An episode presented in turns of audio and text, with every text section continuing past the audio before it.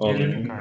Evet. Herkese merhaba. Neler oluyor? Yeni bir bölümde yine Bayi'yle beraberiz. Birazcık geciktik. Bazı teknik aksaklıklardan dolayı ama yine sizin karşınızda tam kar, tam gaz beraberiz. Kamera arkasında Umut var. Birazcık dediğin yarım saat yaşar diyeceğim. Sanki bütün suç benimleymiş gibi. Yok, Bayi'nin suçu yok. Oluyor böyle şeyler arkadaşlar. Siz de biliyorsunuz ama çok heyecanlı sizin için yine çok hazırlandığımız bir bölüm oldu. Bugün 5 tane bomba gibi konumuz var. Ama önce e, ses ekolu, azıcık yankı var hocam gibi şeyler geliyor. Ses Ee, Umut sistemde bizim mikrofonlar dışında ses kaynağı var mı? Al bakıyorum. e, seste ekolar olduğunu gördük arkadaş. Şu an sesin ekosunun geçmiş geçmesi lazım arkadaşlar. E, bence düzelmiş ama düzelmediyse de bana söylersiniz. Ben bu arada e, bu hafta 49'da yine e, işte yazılar yazdı, e, videolar çekti. Vahit'le beraberdik. E, bu hafta Pazara yetişiyor mu video? Ses patlıyor demiş birisi. O zaman biraz şöyle uzağa koyalım. Yaşar sen de hafif mikrofonunu uzağa koy. koyayım. E, İyi oldu demiş gerçi hemen onun altına. Demek ki düzeldi tamam. aynen. Tamam, tamam, E, güzel. düzeldiğini evet tamam. E, ufak Önce bir- millet gelene kadar bir 49W'den haberlerle Aynen. başlayalım Tabii dünya gündeminden önce 49'da buradan Aynen. haberler. Ee, Kötü bir Ağustos geçirdik Yaşar. Ne diyorsun? ya neden? Az abone geldi. Az ama yani Bizi yeterince paylaşmıyorlar evet diye arkadaşlar ben. bizi yeterince paylaşmıyorsunuz. E, Bence 49'da bunun için verimli bir aydı. Çünkü iki tane yeni işe başladık. Biri canlı Evet. yayın olmak üzere bir de canlı bir etkinlik yaptık ama yani e, sizlerden daha fazla destek bekliyoruz. Bizi paylaşmanızı, arkadaşlarınızı önermenizi bekliyoruz.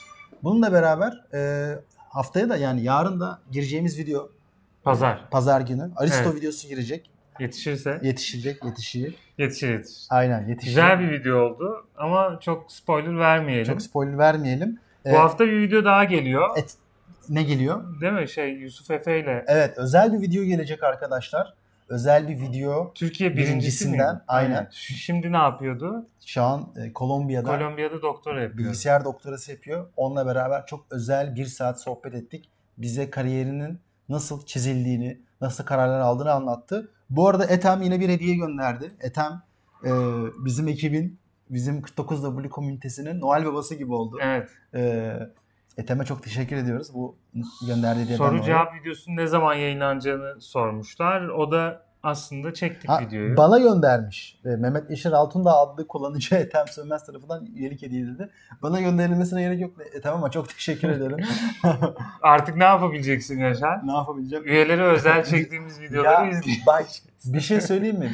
Üyelere özel videoları izleyemiyorum arkadaşlar. İlla YouTube admin hesabından girip e, içeriden izlemem lazım. Yani şey e, orada analytics kısmı var. Oradan izleyebiliyordum. Teşekkür ederim. Bundan sonra arkadaşlar e, canlı videoları izleyeceğim. Rastgele gidiyorlar. Ha rastgele gidiyormuş. Aynen. Ha. Chat'teki herhangi birine gidiyor. Evet. Kullanıcı sayısı 42 bence artık boş yapmayı bırakalım ve Evet. Haberlere like, like geçelim. sayısı 14 ama. Yani like sayısını ben bir 25-30 bandında görmek isterdim. Yani bu konuda bir e, derin bir hayal kırıklığı ve üzüntü içerisindeyim.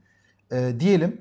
Şimdi e, bakıyorum. Arkadaşlar bugün tabii çok önemli 5 tane haberimiz var. İlki Hindistan Ay'a iniş yaptı. Ay'a iniş yapabilen, başarıyla iniş yapabilen bir uzay aracı gönderdi. kaçıncı ülke oldu? Dördüncü ülke oldu. ülke. Ve aynı zamanda ayın güney kutbuna Evet, iniş Güney yaptılar. Kutbu'ndaki İlk. evet, tarihte oldu. ilk. E, tabii Bunun ki, neden önemli olduğunu zaten konuşacağız. Evet tabii ki biraz. hani e, bu Ay'a inişini konuşacağız, konuşacağız ama bu Ay'a inişin ötesinde Hindistan'ın Ay'a inmesinin arkasındaki başarıyı ve Hindistan'ın küresel dünyada, küresel atmosferde yükselişini konuşacağız. Ekonomik, askeri, Amerika ile Rusya, Çin arasında bir denge ülke olmasını konuşacağız.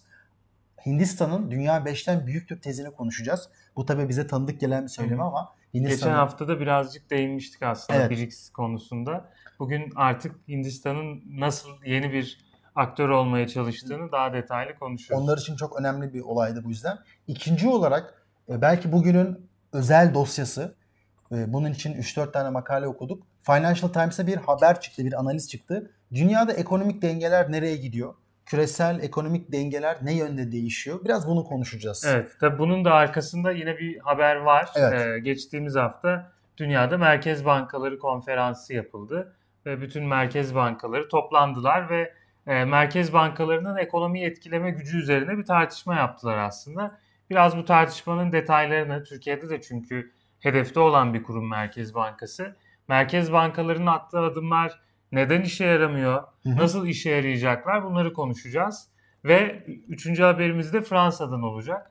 Ee, Fransa'da geçtiğimiz hafta Milli Eğitim Bakanı bir açıklama yaptı. Dedi ki Gabriel Attal. Gabriel Attal önceden hükümet sözcüsüydü. Ben onu canlı dinledim bu arada Sciences Po'da. Canlı Evet. dinleme fırsatını e, eriştim.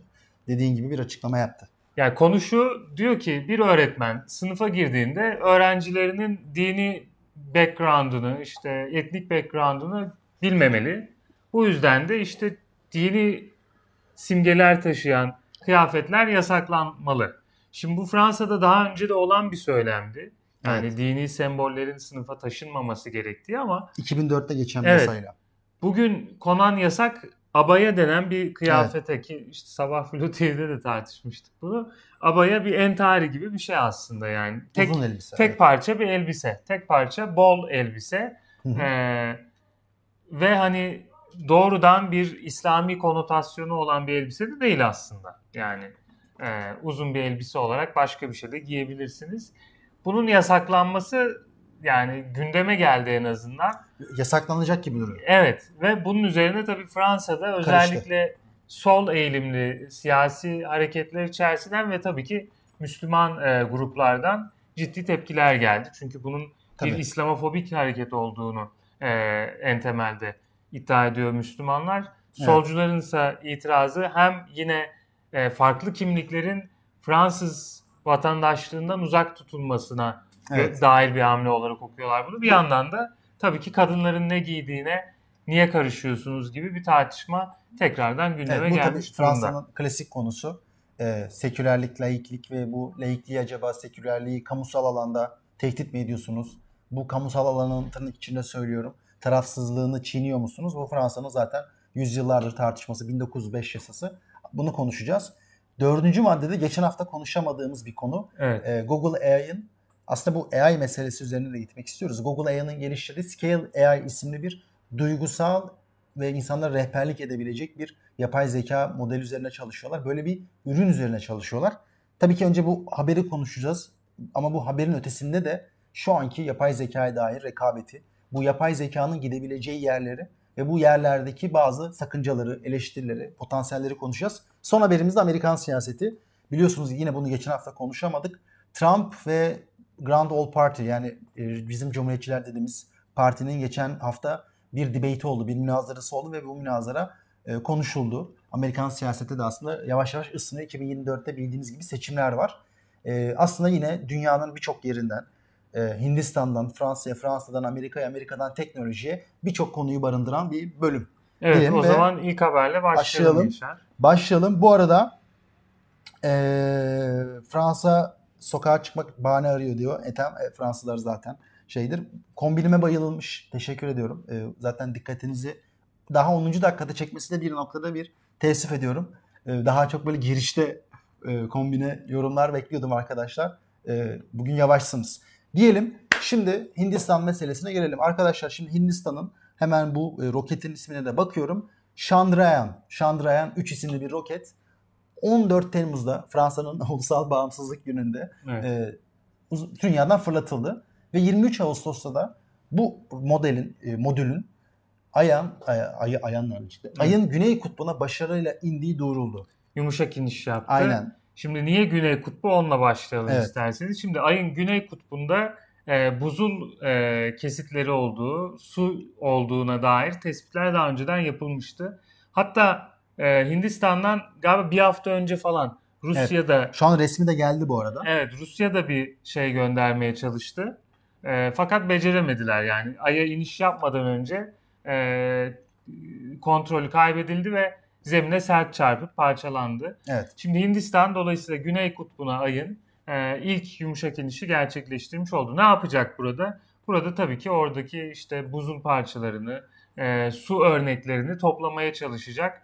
Bunları analiz etmeye çalışacak. Bir yandan tabii ki canlılık belirtisi arayacak ama daha da önemlisi ayda artık yani ay tekrardan gündemimize girdi ya. NASA da tekrardan e, ayı gündemine aldı. Mars'a yönelik uçuşların ay bir durak olarak kullanılacak şekilde tekrar tasarlandığını duyuyoruz bu aralar. Hatta ve hatta 2019'da Çin mesela Ay'a e, bir uzay aracı yollamıştı. Ayın karanlık yüzü dediğimiz bizim görmediğimiz tarafına e, uzay aracı yollanmıştı. Dolayısıyla artık yeniden 2019'da Hindistan'da yolladı ve başarısız oldu Evet. bu arada. artık yeniden bir Ay'a yolculuk hikayesi, e, ay yarışı, uzay yarışı var. Evet. Peki şimdi benim aklıma bir soru geliyor. Eminim herkesin de aklına aynı soru geliyor. Ben tahmin ederim ne sorunu soracağım. Bu Hindistan abi. Millet aç. Evde çocuklar aç. İşte yıkanmaya su bulamıyorlar. Niye? Böyle bir yatırım yapıp Ay'a uzay aracı yolluyorlar. Şimdi ekrana görüntüsü geldi. Bu arada arkadaşlar dediğimiz gibi artık resimler de geliyor. Ee, Hindistan bayrağını sallayan insanlar resmi geldi.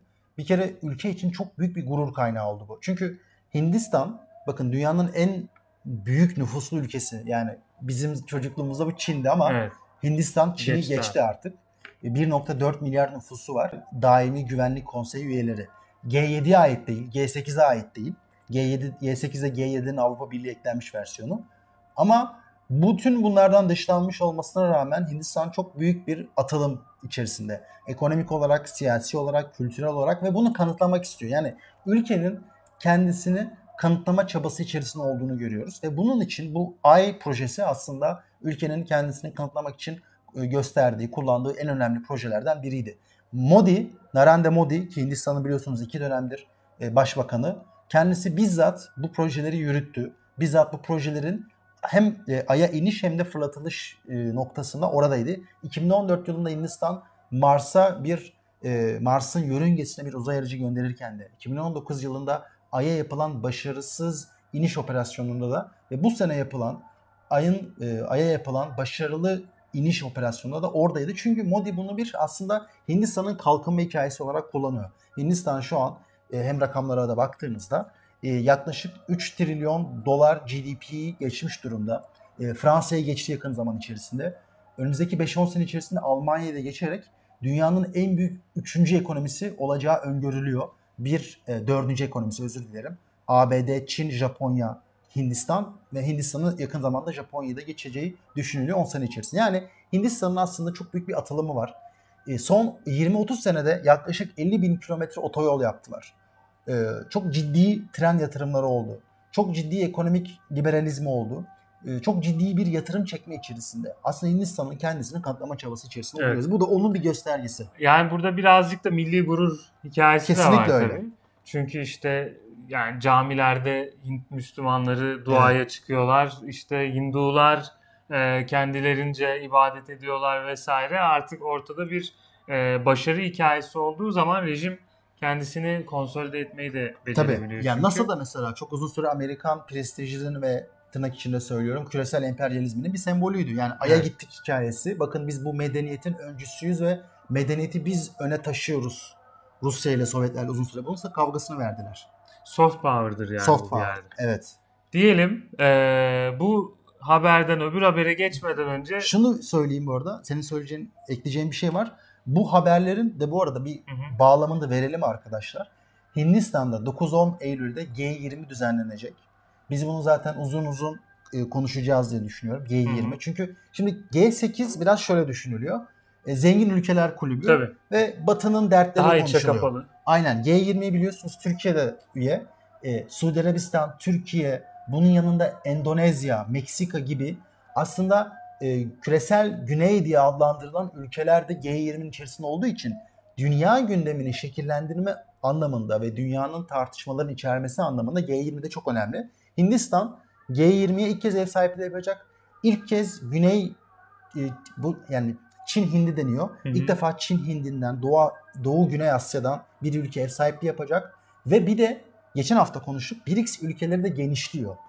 Bir yandan da BRICS ülkelerinin geçen hafta Suudi Arabistan'ı, e, özür dilerim, e, Meksika'yı, Suudi Arabistan'ı, Suudi Arabistan'da Ee, var. Arjantin'i Arap Emirlikleri de var. İran'da, kapsayacağını söylemiştik. var.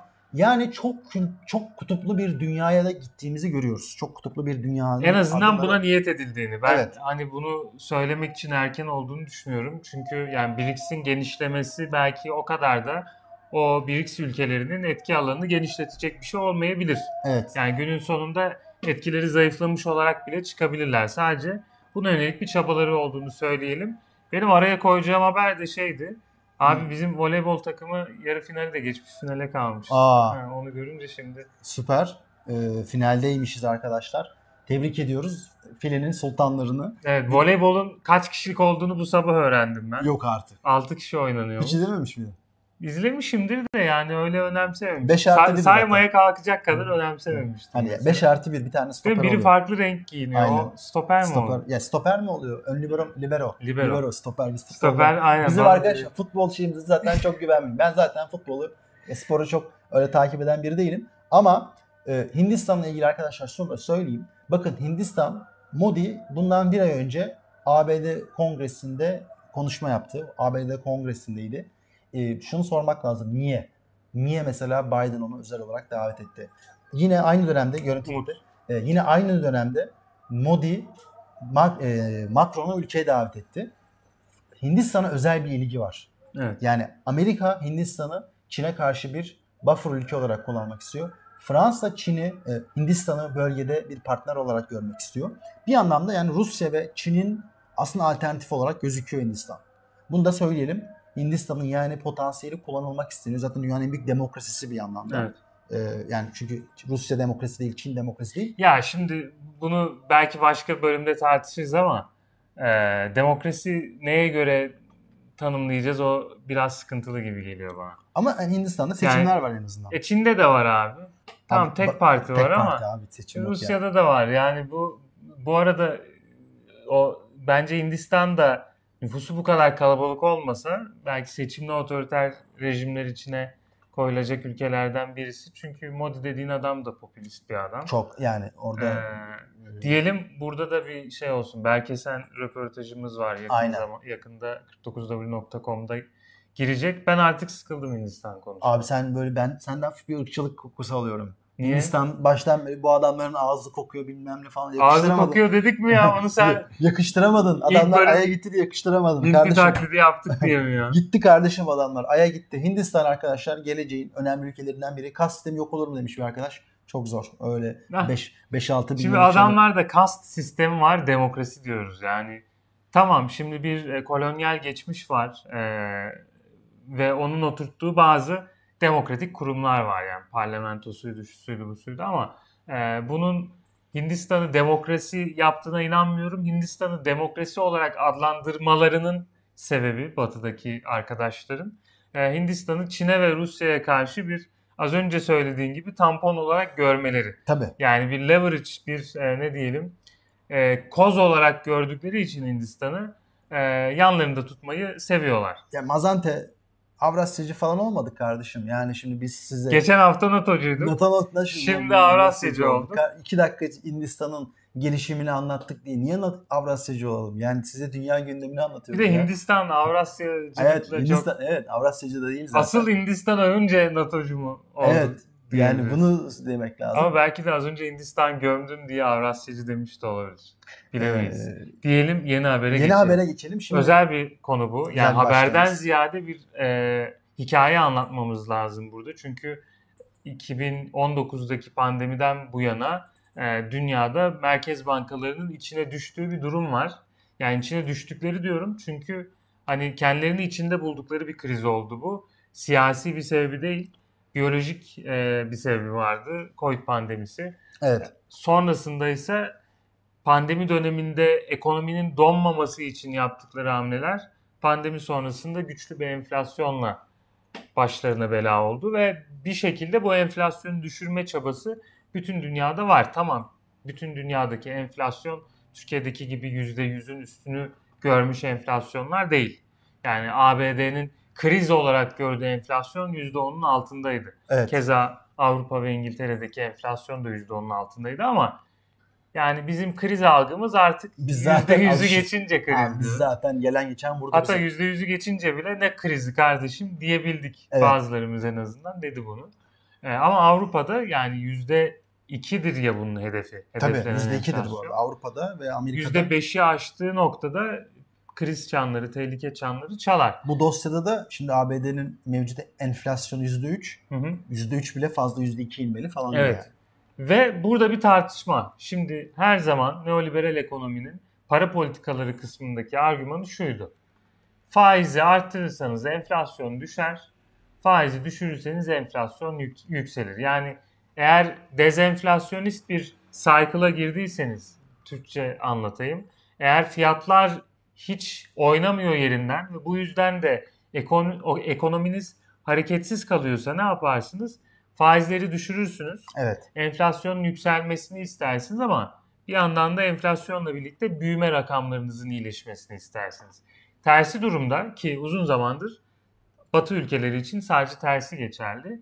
Enflasyon yüksekse faizi yükseltirsiniz. Dolayısıyla talebi kısar ve e, mevduata yönelik talebi arttırırsınız. Dolaşımdaki parayı azaltıp enflasyonu düşürürsünüz. Teori buydu. Ama e, pandemiden sonra bu teoriyi çalıştırmakta güçlük çekti merkez bankaları. Neden? Şimdi Financial Times'taki makale bunun için birkaç sebep sayıyor aslında. E, bu sebep de yani doğrudan bir mekanizmadan ziyade küresel bir trend var diyor. O trendi anlamak lazım. Bir kere istihdam verileri. Evet. E, istersen sen detaylandır bu başlığı. Evet, burada da bizim bu arada e, bizim bazı görsellerimiz var. E, şimdi o Financial Times'ın da görselleri gelecek. Hatırlarsanız ilk bölümde de ikinci bölümde olması gerekiyordu. Şu soru vardı yine aklımızda. Burada Financial Times bu meselenin üzerine bayağı kafa yoruyor. Merkez bankaları faizleri artırmasına rağmen neden beklediğimiz gibi enflasyon art, azalmıyor? Evet. E, bunun da sebebi şu arkadaşlar. Çok ufak bir tarihsel bilgi vereyim. Bu neoliberal politikaların özü faizdir. Hatta bu neydi bizim e, çok ünlü bir ekonomist yazıyor eski merkez şey Maliye Bakanı Müsteşarı. Türkiye, Türkiye'de. Aynı Türkiye'de böyle. Ma- ma- ha, Mahfi Eğilmez. Mesela Mahfi Eğilmez hep şunu yazar. İşte toplumda ekonominin temeli faizlerin belirlenmesidir. Bu çünkü aslında neoliberal düşüncenin temelinde bu var. Faizlerin değişimi. Şimdi istihdam verilerinin yüksek olduğunu söylemiştim bundan birkaç hafta önce. İspanya'da, Almanya'da, Fransa'da istihdam verileri 2008'den önce bile 2008 krizinden öncesinden de iyi. Hı hı. Bu aslında önemli bir gösterge. ABD'de pre pandemi dönemine geldi. yani bir tek 2018 dönemi. Aynen 2018 döneminde bir şey var. Bir tek İngiltere bakın görselde şu an önümüzde görüyorsunuz e, İngiltere'de de e, ciddi bir artış var. E, bu anlamda biz istihdam verilerinin iyileştiğini görüyoruz. Bu neden önemli? Çünkü insanların harcayacak parası var demek bu. Hı hı. Bakın Türkiye'de de mesela seçime girerken istihdam verileri oldukça iyiydi. Hatta bazı insanlar sadece buna bakarak bile e, mevcut iktidarın devam edeceğini tahmin ettiler. Şu an dünyada Ümit aslında Akçay gibi değil mi? Ümit Akçay e, benim ta- takip ettiğim mesela Barış Büyükok'tan Hı hı. e, o da bir sosyolog Koç Üniversitesi'nde o da mesela buna bakıp söylemişti. Yani dünyada e, istihdam verilerinin iyileştiği bir dönemdeyiz ki bugün yani ya dün ya bugün mesela ABD istihdam verileri, tarım dışı istihdam verileri de açıklandı. İkincisi, ikinci noktada ise ABD'nin bütçe açığının iki katına çıktığını görüyoruz. Geçen sene oranla. Bak bu çok önemli bir şey gösterecek arkadaşlar bize. Bakın bundan 10-15 sene önce sıkı maliye politikaları, gevşek para politikaları vardı. Para politikası faizler. Yani parayı piyasadakilere harcasın. Devlet birazcık sıkı tut- dursun. Kemerleri Evet. sıksın mantığı var. Evet yani Türkiye'yi mesela para akışı işte dünyadan Türkiye'ye para akışı oldu, işte gelişmekte olan ülkelere para akışı oldu gibi böyle çok kalıplaşmış cümleler vardı ya. Bunun sebebi buydu işte. Sıkı e, maliye politikaları devletler az para harcıyor. Para politikaları ise gevşek. Bu arada ben grafik olmuşum burada Aynen. konuşurken. Aynen. Ee, şey ama bir yandan da arkadaşlar bakın içinde olduğumuz dönemde ise yeni paradigma şu. Sıkı para politikası, gevşek maliye politikası. Bakın bu çok önemli. Hemen oradaki e, mantığı anlayalım. Devletler para harcıyor artık. Nerede? Pandemide oldu bu. Nerede? Rusya savaşından sonraki enerji krizinde oldu. Biz White Lab konuşuyoruz. Dünyada devletlerin daha çok para akış para yaptığı bir şey oldu. Bu sefer ben gittim görüntü olarak bu arada Umut. Heh, çok güzel. Şu an tam ortada. Görüyorsunuz iki katına çıkmış. Şimdi arkadaşlar bakın bu dünyadaki ekonomik değişiminde bir göstergesi. Ee, burada işte devletlerin müda- ekonomiye daha çok müdahale olduğu, kendilerinin para harcadığı, insanlara para harcattığı, iş kurduğu, sosyal yardımlar yaptığı bir döneme giriyoruz. Önceki gibi mesela 10-15 sene önceki gibi maliye politikalarının sıkı sıkıya sarıldığı bir dönemde değiliz. Bu da onun diğer bir göstergesi. Evet şimdi burada şu da var. Mesela buna ortodoks cevaplar da verildi. Mesela Arjantin örneği, Türkiye örneği. Faizi artırıyoruz ama enflasyon düşmüyor. Neden? E çünkü hala reel faiz pozitifte değil. Yani reel olarak pozitif bir faiz vermediğinde sen sadece e, açığı kapatmış gibi oluyorsun ama hala bir insan için nominal olarak düşün. paranı TL'de tutmak yani TL mevduat hesabında tutmak dövizde tutmaktan karsız. Evet. E böyle bir durumda da sen faizi arttırdık ve işe yaramadı diyemezsin diyor adamlar. Haklılar da bir yere kadar. Çünkü faizi aslında arttırdın ama hala sen faiz verdiğin mevduat hesabını şeyden daha karlı hale getiremedin. Dövizden daha karlı hale getiremedin ki enflasyon karşısında da kendi koruyabilecek halde değil. E, bu farkı kapatacak kadar faiz vermiyorsan da ne olacak? İnsanlar ona talep etmeyecekler yani. Talep artmayacak. Talep artmadığı için de faizi öyle kendi başına arttırmış olacaksın aslında sadece. Evet. Salih Ceylan bu arada üye olmuş. Çalışıyorum kategorisinde. Çok teşekkür ederiz Salih. Şimdi üçüncü noktaya gelelim arkadaşlar. Üçüncü olarak biz nasıl bir trend yaşıyoruz? Şimdi e, Hindistan yine konuştuk. Hindistan'ın büyüme performansı gittikçe artıyor. Çin'in büyüme performansı gittikçe azalıyor. E, şöyle Çin zaten birkaç senedir ciddi bir kriz içerisinde krizimsi diyelim. Biraz Batı medyası da bunu abartıyor bence. Biraz çünkü onları filtreyle dinliyorum. Ya yani şöyle Çin'deki kriz dedikleri hikaye aslında e, Çin'in hedeflediği büyüme rakamlarını yakalayamaması. Evet. Ve aslında şey dezenflasyonist bir e, cycle'a girme riski var. Evet. Yani fiyatlar artmıyor. Ee, şimdi batıdakilerin kriz diye sunduğu şeyi Türkiye'deki arkadaşlar aa, aa. muhtemelen cennet olarak. Aynen. Abi fiyat aynı kalıyor hatta bazen düşüyor falan. Böyle. Şimdi Çin'in zaten biz bazı yapısal problemleri olduğunu sık sık konuşuyoruz. Nüfusu artmıyor artık belli bir büyüme limitine geldi orta sınıf büyümüyor falan. Bunları zaten başka bir yayında uzun uzun konuşuruz ama hani dünyada yeni bir paradigma olarak şunu düşünmek lazım arkadaşlar. Ee, içinde olduğumuz yıla kadar, içinde olduğumuz döneme kadar dünyadaki toplam büyümenin neredeyse %40'ı Çin tarafından gerçekleştiriliyordu. Ama artık bunun oranı biraz azalacak. Hindistan, Bangladeş, Nijerya, e, Endonezya gibi ülkeler daha çok ön plana çıkacak. Şimdi bu ülkelerin öne çıkması da şaşırtıcı değil. Bu ülkeler aynı zamanda nüfus olarak artan ülkeler. Bakın Nijerya'nın 2100 yılına kadar 700 milyon olması falan tahmin ediliyor. Şu an 200-250 milyon gibi bir nüfusu var. Ortalama yaş 14-15. Hani böyle bir nüfus artışı var. Hakeza yani e, Endonezya falan da çok böyle nüfus artan bir ülke. Zaten dünyanın en kalabalık Müslüman ülkesi. Hindistan'da artık bir çok büyüyen, büyüme potansiyeli olan bir ülke ama şimdi şöyle bir şerh de koyayım. Hindistan'ı ben çok övdüm. Hindistan hakkında şöyle bir söz de var. Hindistan her zaman hakkında çok büyük potansiyel var diye atıp tutulan ama hiçbir zaman bu potansiyeli gerçekleştirmeyen ülke diye sözler de var. Aynen öyle. Yani tıpkı Türkiye gibi abi genç nüfus çok gelişmiş işte nüfus sürekli büyüyor. Ee, ne bileyim eğitim falan fena değil diyorsun. Bir yandan İngilizce çok evet. yaygın Hindistan'da. Bunlar potansiyellerinin yüksek olduğunu gösteren şeyler ama Hindistan 1970'lerde 80'lerde Çin'le kıyaslanıyordu.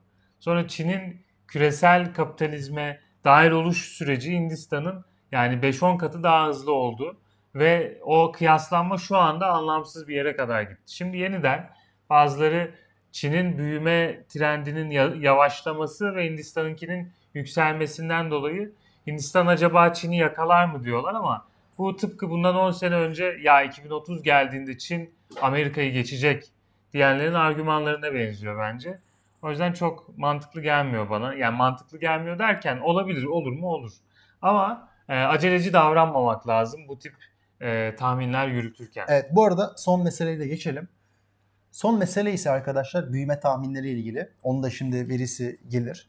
Şimdi bu büyüme tahminlerinde arkadaşlar şöyle zamana göre bir grafik göreceksiniz. Yani 2008 yılında yapılan 2008 yılı için tahminler. İşte 2010'lu yıllar, 2015, 2020 yıllar ve en son 2028 yılı için yapılan tahminler. Buradaki önemli mesele şu arkadaşlar. Dünyadaki büyüme beklentisi sürekli düşüş eğiliminde. Yani önümüzdeki yıllar için dünyanın daha az büyüyeceği bir ortama doğru gidiyoruz. Bunun arkasında birçok sebep var. Bir kere savaşlar, işte mevcut istikrarsızlıklar. İkincisi ülkelerin birbirine uyguladığı tarifler, gümrük vergileri. Bakın şimdi bunun verisi de geldi. Mavi 2008 Nisan, 2023 Nisan ise pembe ile e, eşleştirilmiş. Nisan'da neredeyse büyüme beklentisi %5 iken yani 2008 ile 2012 arasında dünyada ortalama büyüme beklentisi %5 iken 2023 tem sonra 2028'e kadar ki olan büyüme beklentisi %3'e kadar düşmüş ki bu %2 bayağı büyük bir oran. E, bu anlamda bunun arkasında dediğim gibi savaşlar, küresel ekonomik piyasaların bozulması, iklim iklimden dolayı ülkelerin büyümeyi yavaşlatması, ya da bu yeşil dönüşümü yapmaya çalışmaları, Çin'in büyümesine yavaşlaması gibi faktörler var. Bunun anlamı ne? Tabii ki jeopolitik ve ülkelerin içindeki tansiyonların yükselmesi. Evet. Daha az para, daha çok kavga demek. Her zaman ya bunun örneklerini zaten şeyde gördük yani. Arap Baharı bir anlamda bunun Evet. şeydi yani petrolün e, ömrünün dolacağını bilen ve Orta Doğu'da aslında çok fazla çıkarı da kalmayan Amerika'nın sadece Orta Doğu'dan da değil, Orta Asya'dan, Orta Doğu'dan, Afrika'dan çekiliyor olması e, çekilirken de yerini dolduracak bir başka gücün olmadığı senaryoda kısıtlı kaynaklar için birbiriyle savaşan farklı topluluklar bırakıyor önümüze diyelim. Yeni haberimize geçelim Yaşar istersen. Yeni haberimize geçelim. Fransa senin Ee, uzmanlık alanın. ya estağfurullah. İşte Şimdi, Nail krizini anlattığın gibi bir abaya krizi anlat. şimdi Çok büyüttüler mi sence bu meseleyi? Ben çünkü bu hafta Fransa'ya dair ne okusam, ne hangi Fransız kanalına baksam, hangi Fransız gazetesini açsam hepsinde bu konu gündemdeydi. evet. Birazcık dedim ki acaba çok mu abartıyorlar? Ama bu işin bir de arka planı var. Sen daha iyi biliyorsun. Senden dinleyelim. Onu dinleyelim. Dinlemeden önce bu arada Salih e, Salih Ceylan 5 kişiye hediye üyelik vermiş. Çok teşekkür ederiz Salih. Salih. Hediye üyelikler için. E, like sayısı 68. 68 sayısı beni hiç hoşnut et- etmedi. Tabii 69 olması lazım. Yani Vahit yine e, dıdı tıs tıs tıs diye şakasını yaptı. Badum tıs. Aynen. E, ben 90'ı görmek istiyorum like şeyinde. 90'a kadar arkadaşlar Fransa'yı anlatma konusunda hevessizim. Yani En 90. azından 75 olsun da Paris'in Doğru plakası 75 diyelim. diyerek. 75 de az oldu ya. Neyse 75 artık gönlünüzden ne koparsa. Ben bu arada da bir e, şey yorumlara bakalım. Trump'ın son durumları ile ilgili bir video gelir mi? E, bu canlı yayının son dakikalarında biraz Trump'ı konuşacağız Evet. arkadaşlar. Şimdi yukarı doğru da çıkamıyorum. Türkiye'nin o genç nüfus fırsat penceresi de karşılıyorlar. Çok doğru. Türkiye yaşlanıyor arkadaşlar. Bunu sizin şeyde Ateş Ölçer'in ikinci bölümünde Türkiye neden kalkınamıyor'da konuşmuştunuz. Hı hı. Ee, güzel bir mevzu. Yani Türkiye'nin o bir yandan eğitim kalitesinin düşmesi, bir yandan artık Türkiye'nin nüfusu da yaşlanmaya başladı. Genç nüfusun azaldığını söylemiyoruz tabii nüfus yaşlanıyor derken ama yine de nitelikli genç nüfusun hem kendisine o becerilerini geliştirecek yer bulamıyor olması, Evet. hem birazcık ülkeyle arasına bir soğukluk girmiş olması, ee, özellikle beyin göçü için baktığımız verilerde artık nasıl diyelim skyrocketing bir sıçrama var. Yani Evet. Doktorların Türkiye'yi terk ediş hızı bundan 5 sene öncesiyle kıyaslanamayacak kadar yüksek. Ya da mühendislerin yani benim artık Avrupa'daki arkadaş sayım Daha fazla. Türkiye'den daha fazla olabilir. Ee, yani şöyle mesela Hindistan'da çok yoğun bir ve çok yüksek bir genç işsizliği var. Evet. Bu genç işsizliğin tabii sebebi de malum. Çok fazla genç nüfusumuz var ama bunu kompanse edecek istihdam olanakları yok. Şunu da konuşmak lazım Yaşar. Şimdi gençler evet potansiyeldir ama ip sap bulamayan gençler yani işsiz kalan gençler, ipsiz sapsız kalan gençler de ülkenin başına beladır ya. Ben benim aslında ilişkiyi şuradan kuruyorum. Ya zaten nüfus fırsat pencereniz olması Hı hı. baştan sizin gelişmemiş bir ülke olduğunuzu gösteriyor. Şu aslında. Yani bir ülkenin niye genç nüfus fazlası veya genç nüfus olanağı vardır? Çünkü daha tam modernleşemediği ve Şehirleşmesini tamamlamamıştır, eğitim seviyesini düşüktür. henüz, Kadınların hayata dahil oluşu az olduğu için yüksek nüfus olur. Yani bu şimdi sosyal bilimlerde kural yok ama neredeyse istisnasız bütün ülkelerde gözle, gözlemlediğimiz bir demografik trend var. Buna e, ama bu da modernist bir tuzak diyebilir miyiz Yaşar? Ama yani işte bir bu- modernite trap. Çünkü Kore'de e, doğurganlık oranı 0.76 falan 0.7'ye indi yani. Bu- acayip düşük. Yani bu bir kriz aslında. Kriz getirebilecek bir Tabii sorun yani. Ya bak ben İtalya ve Güney Kore'nin 20 sene sonraki halini çok merak ediyorum. İtalya'da çok düşük. Güney Kore fecaat 0.7 ne demek? Ya İtalya'yı Afrikalı kardeşlerimiz Kurtarır mı kurtarır bence. Bir de bu Doğu Asyalılar Japonya ve Güney Kore göçmen de almıyor. Çok homojen toplumlar. Yani Güney Kore 20-30 sene sonra acayip yaşlanacak. Sırf biliyor musun Japonya ve Güney Kore'de çok ciddi bir robot endüstrisi var. Bu Hı hı. robot endüstrileri yaşlılara bakıyor. Çünkü dışarıdan göç almadıkları için buralarda çalışacak ucuz işçileri yok. Ve o yüzden Japonya ve Güney Kore'de çok gelişmiş bir medikal robot sektörü var abi. Yani Japonya'nın ya bu ülkelerde hep böyle şey kozmetiğe işte genç gözükmeye ilgide bu bundan mı kaynaklanıyor acaba? Çünkü böyle e, TikTok'ta ya da Instagram'da şey videoları vardır ya böyle Koreli kız 20 tane farklı ürünle cilt bakımı vesaire yapıyor. Hı hı. Yani bir genç kalma çabası vesaire bu ülkelerde çok yaygın gibi geliyor. Evet. Belki tabii sosyal medyadan analiz kasmak ne kadar doğru bilmiyorum ama Ya çok biyolojik temelli böyle bazı toplumsal yani şeyleri gençlikle bu kadar takıntılı ilişkisi gençlik ve olan beyazlık. Beyazlık da çok. eee, bir toplumun çok hızlı bir şekilde yaşlanıyor olması Evet, çok trajik. E, bu arada Türkiye'de çok yaşlanıyor. Belki bunu bir programda da konuşuruz. Diyelim şimdi bu Fransa meselesine gelelim. Bu arada sayımız 88 oldu. Bunu en kısa zamanda 100'e çıkartalım diyorum ve olayı anlatmaya başlıyorum. Şimdi 27 Ağustos'ta arkadaşlar bundan yani birkaç gün önce Gabriel Attal White'e demin söyledi. Şu anki Milli Eğitim Bakanı ama eski de eski ba- hükümetin de sözcüsüydü. Kendisi bir açıklama yaptı. Abaya dediğimiz uzun elbise. Yani e, tek kumaş, tek dikimden oluşan, genelde insanların vücut hatlarını gizlemek için kullandığı uzun elbise bizim e, tünik diyebileceğimiz, belki ferace diyebileceğimiz bir elbise gibi düşünebilirsiniz. Renk renk oluyor. Bu çünkü şimdi bizde o kadar renkler yok ama e, mağrip tarafında Tabii tabii. Daha yani renk Kuzey. Afrika renkli bir topluluktur. Aynen, yani. Severler yani. aynen nakışlar Turkuazları, Evet. farklı renkleri. böyle kelebek gibi. Şimdi bunun yasaklanacağını söyledi. Tabii bu çok ciddi bir infial yarattı. Şimdi oradaki ben bir size olay akışını anlatayım. Tabii bunun üzerine biz tabii Fransa'nın bu sekülerlik, laiklik ve Müslümanlıkla olan o müthiş tansiyonu da konuşacağız burada. Şimdi e, özellikle sol gruplardan ve ekolojistlerden ciddi tepkiler geldi.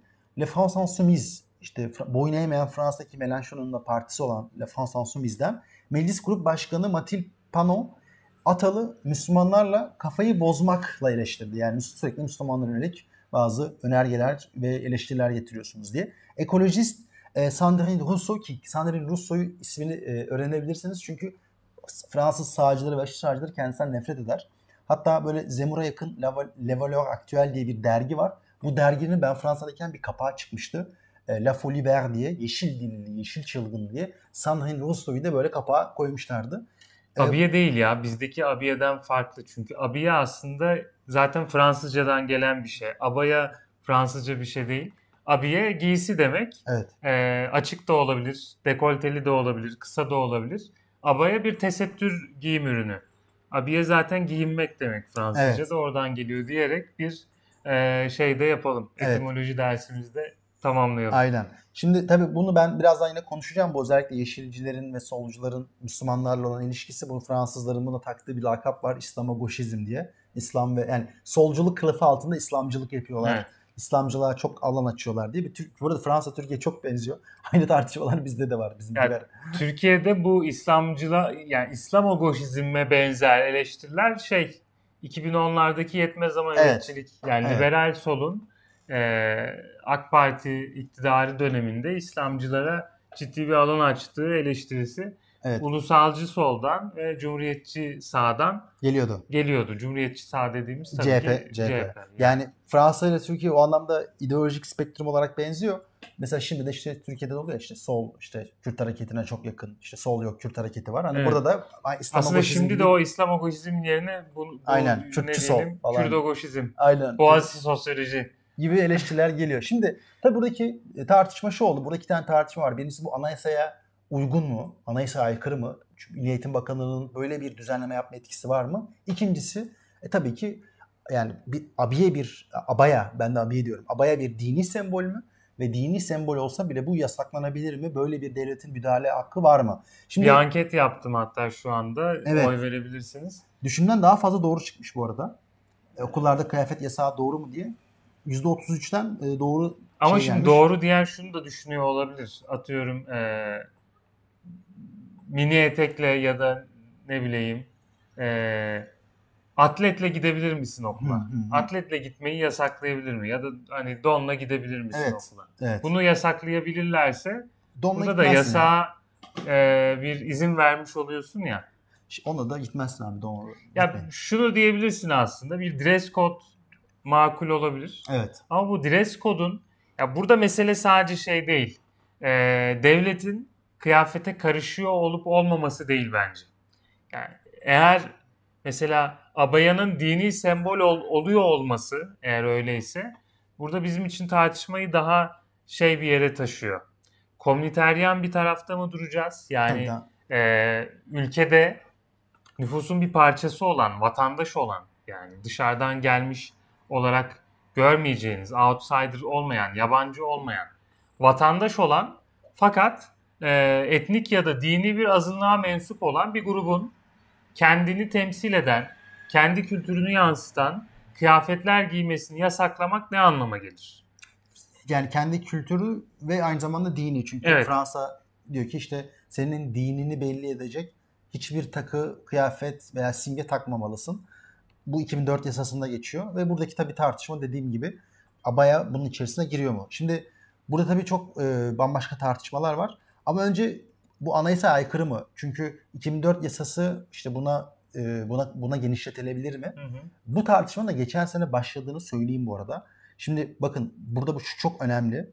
Ee, bu şu an Gabriel Atal Milli Eğitim Bakanı ama hemen Hı hı. geçen seneki Milli Eğitim Bakanı da isim- çok isim e, tartışmalı. Aynen. E, e, Pa- Pap Niaye. NDI hediyesi. Aynen NDI'ye değil. Ben de böyle NDI'ye diyecektim. Sırf onu kontrol baktım. Pap Niaye. Pap Niaye kendisi siyahi bir e, insandı, bir eğitimciydi. Hatta geldiği zaman Fransa'da çok konuşuldu. İşte e, progresif, işte Tabii. ilerici bir Daha sola yakın oldu. bir- Evet. Çünkü Elizabeth Bourne'un ilk kabinesi şeydi. Yani e, solu ve sağı bir şekilde birleştirmeye çalışan zaten o Macron'un ne diyelim aşırı merkez diye karikatürleştirilen e, çizgisi solu ve sağı birleştirmek işte ne sağcıyız ne solcu Macroncuyuz Macroncu Hı hı. diyecek bir çizgi üretmekti. Elizabeth Bourne'un ilk kabinesi de buna hizmet ediyordu. Evet. İşte iç işlerinde Darmanan vardı. Darman- Adalet Bakanlığı'nda e, Dupont Moretti devam ediyordu ama bir yandan da sola... Darmanin bizim hani Soylu gibi. E, yayın gittim bu arada. Yo. Yani Darmanin bizim e, Süleyman Soylu gibiydi yani Hı hı. şey anlamda.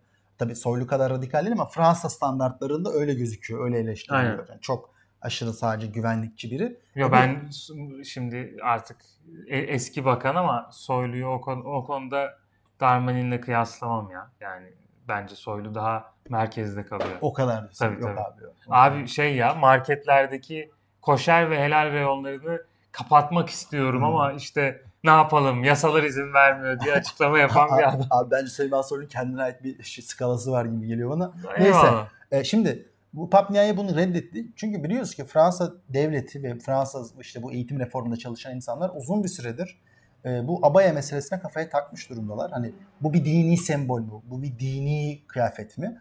Tabii ilk tartışma buradan yürüyor. E, şimdi burada abaya bir dini sembol veya dini kültür tam olarak ne? Bunu konuşmak lazım. Bir dini simge değil. Çünkü Evet. dini simge olsa İslam'ın evrenselliği içerisinde olur ama mesela Türkiye'de böyle bir Şart şey- değil ama yani etno dini bir simge de olabilir. Evet. Burada ben ufak iki tane reklam yapayım. Bir tanesi konuyla alakalı. Ee, çok kültürlülük diye zaten önümüzdeki haftalarda videosunu da koyacağımız bir kitap çevirdim ben. Andrew Shorten'dan. O kitap aslında şunu tartışıyor bir, bir bölümünde. Tanınma diyoruz biz buna. Yani bir insanın kendi kültürünü ya da dinini yansıtan bir kıyafetle ya da bir e, aksesuarla ya da diliyle e, kamusal alanda var olması devletin o grubu, o topluluğu tanıdığı anlamına geliyor. Ve bu tanıma, tanıma politikalarının da aslında vatandaşlık e, tartışmalar içerisinde bir yeri var. Yani Fransa'nın şu anda içine düştüğü bir vatandaşlık krizi var. Sen Evet. bunu Nail olayında da anlattın. İnsanlar Fransız vatandaşı oldukları halde yani o vatandaşların bütün hak ve sorumluluklarıyla karşı karşıya oldukları halde Fransa ile aralarındaki o duygusal bağı kaybediyorlar. Evet. Yani bu duygusal bağ en fazla işte milli maçta e, alele bleu diyorlar yani haydi maviler kazansın diyorlar ama onun ötesine geçemeyen devletin büyük ölçüde kendisine düşman olduğunu hisseden e, Müslüman gruplar var. Şimdi devletin bir şekilde bu Müslüman gruplar çok haklı olsun ya da çok haksız olsun, suça bulaşmış olsun ya da pirupak olsun fark etmez. Devletin bu insanları bir şekilde absorbe etmesi gerekiyor. Yani bu absorbe etme ihtiyacı devletin otoritesini tesis etmesi adına var olan bir ihtiyaç. Ee, ve tanıma politikaları da yani o insanların kendi kimlikleriyle kamusal alanda var olmalarına izin verme politikaları hatta normalde tanıma politikaları bunun teşvikini de içerir ama biz onu bir kenara koyalım. Bu temelde o insanların devletle düşman olmamasını Hı hı. sağlayan bir şey. Devletle o insanları barıştırmanın bir yolu. Fransa'da ise e, bunun tersi bir çizgi var. Bu ters çizgi ise şunu iddia ediyor. Biz bir Fransızlık tanımlıyoruz. Cumhuriyetçi bir Fransızlık, laik bir Fransızlık ve şuna inanıyoruz. Ee, bir kuşak içinde olmasa da iki kuşak içinde, iki kuşakta olmasa da üç kuşak içinde biz şu anda kendisini Fransız hissetmeyen, kendisini Müslüman hisseden ya da kendisini mağripli hisseden o topluluğu, o gençleri kendisini Fransız hisseden vatandaşlara çevireceğiz. Bunu diyorlar. Bunu yıllardır diyorlar. Bunu 50 yıldır diyorlar. 60 yıldır diyorlar. Belki de 100 yıldan fazladır diyorlar.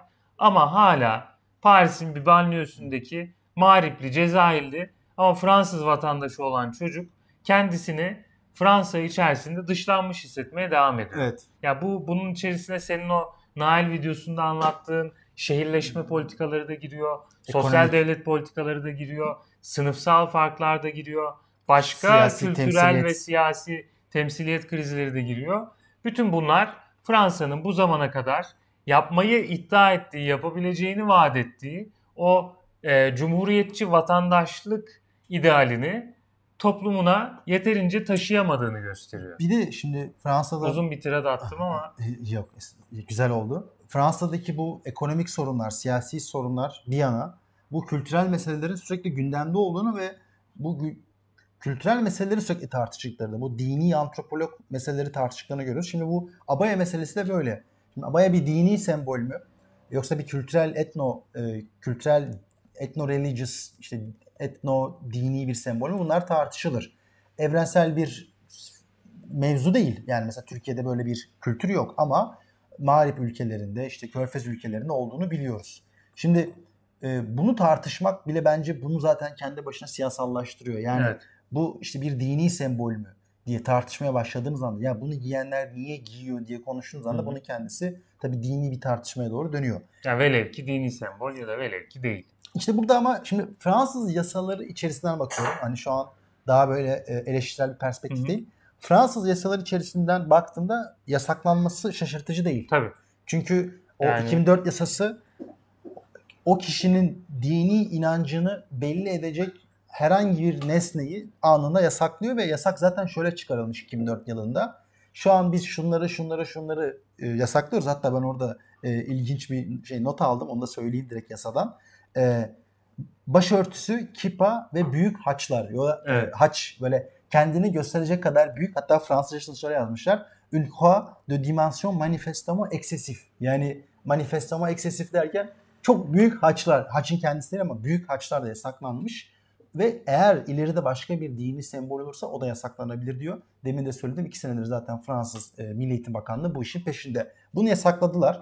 Burada şöyle bir tartışma vardı Temmuz ayı gibi. E, acaba işte bunu okul müdürlerine mi bıraksak? Okul müdür yardımcılarına bıraksak? Çünkü çıkan raporlar şunu söylemiş. Abaya bir dini sembol değil ama doğası gereği insanın dinini belli ediyor. En iyisi siz de bunu öğrencinin tavrı ve karakteriyle beraber değerlendirin ve ona göre her okul kendi kararını alsın gibi bir çıkarımda bulunmuş ama bunun tehlikesi de şuydu yani böyle bir inisiyatifi müdür yardımcılarına müdüre bırakmak, öğrencilerin böyle değerlendirilebilir hakkında acı böyle bir rapor tutarmışçasına bunun değerlendirilmesi de bence bir ayrı bir sıkıntılıydı ama Gabriel Attal çıktı ve dedi ki e, ondan önceki Milli Eğitim Bakanı e, Pep Ndiaye'nin aksine biz bu yasağı getireceğiz dedi ve bu yasak şimdi gelecek. Bugün Macron bir teknik meslek lisesindeydi. Çünkü e, şöyle dedi ki biz bu yasağın sonuna daha doğrusu bu yasa tasarısının sonuna kadar arkasında olacağız. Bu konuda dirayetli olacağız ve bu yasayı geçireceğiz. Bunun demesinin sebebi de bazı milletvekilleri bu yasa tasarısının anayasaya aykırı olduğunu, işte insanların işte kıyafet hakkına, özgürlüğüne karıştığını falan filan söyledi ama Macron bu konuda bayağı Evet. şeydi. Hani Emirhan bir yorum yapmış. Demiş ki Macron bir Fransız kültürü yok. Fransa kültürü var diyor. Hı hı. Doğru. Il n'y a pas de culture française diye bir cümlesi vardı Macron'un. Bayağı tartışılmıştı. Orada hani Türkiye'deki Türk mü, Türkiye'li mi kavramı tartışmasına benzedi biraz ama şimdi şunu unutmamak lazım. parantezde Çin Fransız İslam'ından, Müslümanlığından da bahsetmiştim. Evet Macron. yani burada Fransa kültürü dediğimiz şey çok çeşitli, e, une kültür divers yani ne, ne denir? Fransa içinde yaşayan farklı toplulukların farklı kültürlerinin harmonisinden oluşan bir Fransa kültürü vardır demişti Macron zamanında. Bu Macron'un 2016'ya yakın sözleri yani daha solda durduğu e, zamanlardan. Çünkü Macron giderek hani daha sağa yaklaştı bu konularda. Kesinlikle öyle. Yani şimdiki Macron'un cümlesi olabilecek bir cümlede olmadığını hatırlatmak lazım. Şimdi burada biraz altyapıdaki meseleleri de inceleyelim. Bayet demin o Fransa'daki e, cumhuriyetçi kimlik yapısından ve nasıl aslında bu insanların sisteme entegre edilmemesinden bahsetti. Peki peki Fransa neden krizde? Evet. Ben tabii meselelere biraz daha ekonomik bakıyorum. Bir kere bence mesele ekonomik. Çünkü ortada çok ciddi bir ekonomik eşitsizlik ve büyümeyen bir ekonomi var. Ki Macron'un zaten 8 senedir yani yapmaya çalıştığı şey bu. Ekonomiyi liberalleştirip istihdam piyasasını böyle biraz daha serbest hale getirmek, daha fazla insanın e, iş bulabilmesini sağlamak, Fransa'nın teknolojik anlamda gelişmesini sağlamak gibi daha liberal bir politik anlayışı var ama Fransa'nın arzu ettiği kadar büyümediği, büyüyemediği dünya piyasasından küçüldüğü bir dönemdeyiz. Bunun uluslararası ilişkilerdeki yansımasını da birkaç hafta konuştuk zaten. Nijer'de etki alanını kaybetmesi, Çad'da etki alanını kaybetmesi. Yani Fransa o eski Fransa değil. Ve bunun da ekonomik piyasa daralınca, insanların elindeki kaynaklar daralınca e tabii ki kavgalar artar. Tabii. Ama bunun yanında demografik bir dönüşüm var. Avrupa'daki en büyük Müslüman nüfus Fransa'da. Fransa'da çok ciddi büyüyen bir Müslüman nüfus var ve bu insanların görünürlülüğü artıyor. Geçen sene, iki sene önce ben e, Türk Fransızlarla bir röportaj serisi yapmıştım. Kendilerinin bu başörtüsü meselesini de sordum da şunu söylediler. Bizim annelerimiz evdelerdi. Onlar Türk, Türkiye'den Fransa'ya geldiler. Belki Araplar Fransa'ya geldi ama onların evden çıkacak halleri yoktu. Okula gitmediler. Bir bir kamu kurumuna gittiklerinde böyle hani e, ezik büzüktüler ama biz öyle değiliz. Biz haklarımızı arıyoruz. Biz okula gidiyoruz, çalışmak istiyoruz, sokaktayız, dışarı çıkıyoruz.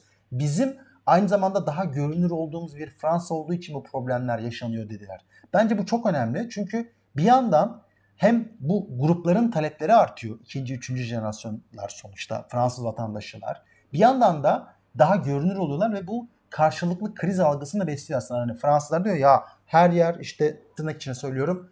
E, göçmen de oldu. Göçmen de oldu. Başörtülü kadın da oldu gibi krizler içerisindeler ama bu insanlar daha görünür oluyor.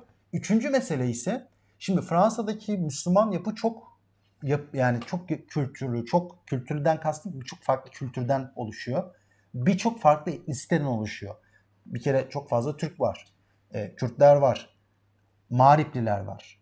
Orta Afrikalılar var. Şimdi bunların her birinin Müslümanlık anlayışı farklı ve bunların her biri aslında dışarıdaki farklı Müslümanlıklardan etkileniyor. Yani Diyanet mesela Fransa'daki Türkleri etkiliyor. Türk Diyanet'in çok güçlü bir etkisi var. Milli görüş durumu var. E, Mağripliler ayrı, Orta Afrikalılar ayrı ve Fransızlar şunu düşünüyor. Körfez ülkeleri de mesela e, Katar Matar da çok ciddi yatırım yapıyor. Yani biz dışarıdan etkileniyoruz. Dışarıdaki etkilere çok açığız. Macron'un Fransız İslam Müslümanlık projesi de aslında buna karşı verilen bir reaksiyon. Çok dalga geçildi ama Macron'un şöyle bir niyeti vardı. Ya biz kendi Müslümanlığımızı yaratalım ki biz kendi imamlarımızı oluşturalım ki dışarıdan etkilere gittikçe daha kapalı ya olur. 80 sonrası Türkiye'de de olmuş bir hikaye. Diyelim AI AI meselesine yavaştan abi. geçelim. Ee, bu arada bakalım 144 kişiyiz. Ee, bu arada şey anketin sonucunu da söyleyeyim. Evet, Yasak bizim... kararını doğru bulanlar önde kapattı Aa. anket. Evet. %39 yasak karar doğru. Kıyafet yasağı. %37 yanlış. Evet. Yani başa baş diyebiliriz ama 39 önde. Hı hı. Ee, %22'de kararsız varmış. Sen crop da yasak diyordun Fransa'da. Ya geçen sene öyle bir ya şey bu Sandrine Rousseau'dan bahsettin ya onun attığı bir tweet vardı. Ya geçen sene ortaokullarda işte liseyi bilmiyorum da okullarda crop top'u yasaklamaya kalktınız. Şimdi de sıra e, abayaya mı geldi diye bir tweet atmıştı. Ee, onun üzerine baktık ama yani uygulanan bir yasak olduğundan emin değiliz hala. Çünkü teyit edemedim yani. Evet. Fransa'da okuyan arkadaşları sordum. Hı hı. Hani öyle Yok. bir şey yoktu evet. dediler. Bu yasak da bu arada arkadaşlar ilkokul, ortaokul ve devlet liseler için geçerli. Özel liselerde böyle bir yasak yok. Ee, üniversitelerde de böyle bir yasak yok. Şimdi Fransa'da son bunu da söyleyeyim yavaştan kapatayım. Evet Fransa'yı çok uzattık. Sen söyleyeceğini söyle sonra bir duyurum var. Hmm. Ee, sonra yeni habere geçeriz. Ee, şimdi bu Fransa'da bu tartışmaların alevlenmesinin bir sebebi de bundan iki sene önce bir belgesel yayınlandı. Bu belgeselde özellikle göçmen mahallelerinde bu e, İslami yaşamın Fransızları daha çok tehdit ettiğini görüyoruz. Neden mi? Mesela kız erkek ayrı sınıflar, okullar, işte tamamen din dersi üzerinden yürütülen okullar, işte bebeklerin yüzü olmayan oyuncaklar hani yüz günah olduğu için vesaire. Şimdi bu tarz bir yaşam ve bu tarz bir dini oluşum Fransızları da bayağı tedirgin ediyor ve e, burada işte uç Müslümanlık yaşanıyor. İşte e, Müslümanlar böyle radikalleşiyor gibi duygular evet. ve fikirler oluşuyor burada. Yani tam bir şey durumu var. E, bu bahsettiğim göçmen problemi, bu bahsettiğim banyoleşme problemi bir de üzerine İslam'ın daha İslam'ın daha tırnak içine söylüyorum radikal formlarının yaşanmasına imkan veren durumlarla birleşince iyice Fransızları Müslümanlar karşı şey oluyor tepki diyelim. oluşturuyor. Ee, güzel bir haber var. Ömer şimdi mesaj attı. Ankara'da 3 3 Eylül'de pazar günü yani bir etkinlik düzenleyecekler. Ömer ve İbrahim e, saat 4'te Emek'te Uyanık Kütüphane'deymiş. Zaten paylaşacağız Twitter'da ve Instagram'da hatta YouTube'a da koyarız. Bu da yine e, sınırlı bir başvuru alıyoruz. Çünkü İstanbul'daki yüzde etkinliğimize 2 saatte yüzden fazla insan başvurdu. Aslında yer 50 kişilikti falan. E, o yüzden elinizi çabuk tutarsınız. E, linkleri paylaşacağız zaten. Evet Ankara'da bir Ankara'da etkinliğimiz olacak. Böyle bir etkinlik Ta- daha tarihi belli olmayan bir tarihte de İzmir'de de olacak arkadaşlar. İzmir'deki ilk etkinliğimizde e, bu Eylül ayı içerisinde yapacağız. Size yine duyururuz. 151 kişiyiz. Like sayımız 111 arkadaşlar. Ben bunu 130'da e, görmek isterdim. 49'da böyle takipçilerine bu yakışırdı. Peki. 130 e, diyelim. e, AI meselesine AI, geçelim. Bir türlü geçemediğimiz evet, o habere. Evet. Şimdi arkadaşlar AI meselesi bunu geçen hafta e, böyle çok ucundan size damıtmıştık. Hı-hı. Onu da ben hızlıca size söyleyeyim. Şimdi biliyorsunuz Kasım ayında, Ekim ayında e, OpenAI ChatGPT'ye yayınladı ve hani ortalık patladı. Evet. Hani gerçekten çok büyük bir dikkat çekti üzerine müthiş bir inovasyon yarattı. Tabii. Bütün şirketler AI'yi kendisine adapte etmeye çalıştı. Google'ı tahtından edecek falan Aynen. dediler. Hemen Google e, Bard'ı çıkardı vesaire. Şimdi Google bu yarışı... Google'ın Bard'ı çıkarması ChatGPT'nin dördünün çıkmasının peşine oldu. Hı hı. Evet. Ee, yani Mart'ta mı Nisan'da mı öyle bir Tam şey? Tam tarihi ben bilmiyorum. Yani şimdi biliyorsun her yerde görüyorsun zaten. AI'yi nasıl kullanırım, nasıl şirketimi entegre ederim. Yani belli bu dünyanın yeni gittiği yön ve artık hayatımızın bir parçası olacak. O kadar parçası olacak ki kişisel kararlarımızı, duygusal kararlarımızı, hayatımızda rehberlik edecek konularda dahi karar alabilen, tavsiye verebilen bir proje üzerine çalışıyor Google. Peki niye çalışıyor ve neden böyle bir projeyi önemsiyor? Şimdi aslında OpenAI bir risk aldı. Yani bu platformun, bu uygulamanın Ekim ayında, Kasım ayında yayınlanması birçok riski barındıran ama riskin de meyvelerini verdiği bir sonuç oldu. Bir de mecbur alınmış bir risk. Çünkü bu pazarda bir tek OpenAI yoktu yani. Diğerleri Google'ın da pazarda olduğu, rekabetin devam edeceği zaten biliniyordu. Bir first comer advantage elde etmek adına aslında ChatGPT'nin erken davrandığını görüyoruz.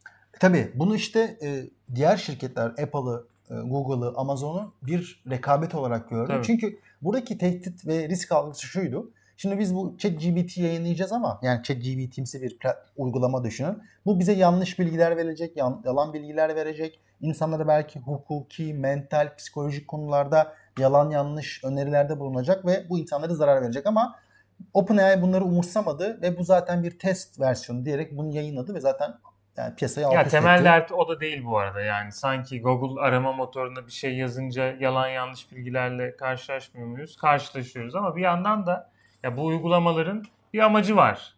Yani o amaca hizmet edebilmeleri için de aslında e, finest hallerini almaları lazım. En verimli halleriyle piyasaya sürmek istiyorlar.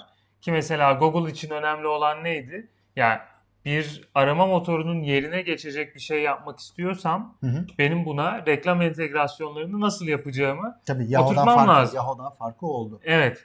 Ee, ve bunun için uzun bir süre uğraştılardı. Hatta hala tam olarak net bir e, şey otur entegrasyon sistemi oturttuklarını söyleyemeyiz yani. Şimdi e, bu AI meselesinde de Google yeni bir platform üzerine çalışıyor dediğim gibi. Bunun adı da Scale AI. Scale AI'deki amaç dediğim gibi duygusal kararlarda insanlara yardımcı olabilmek.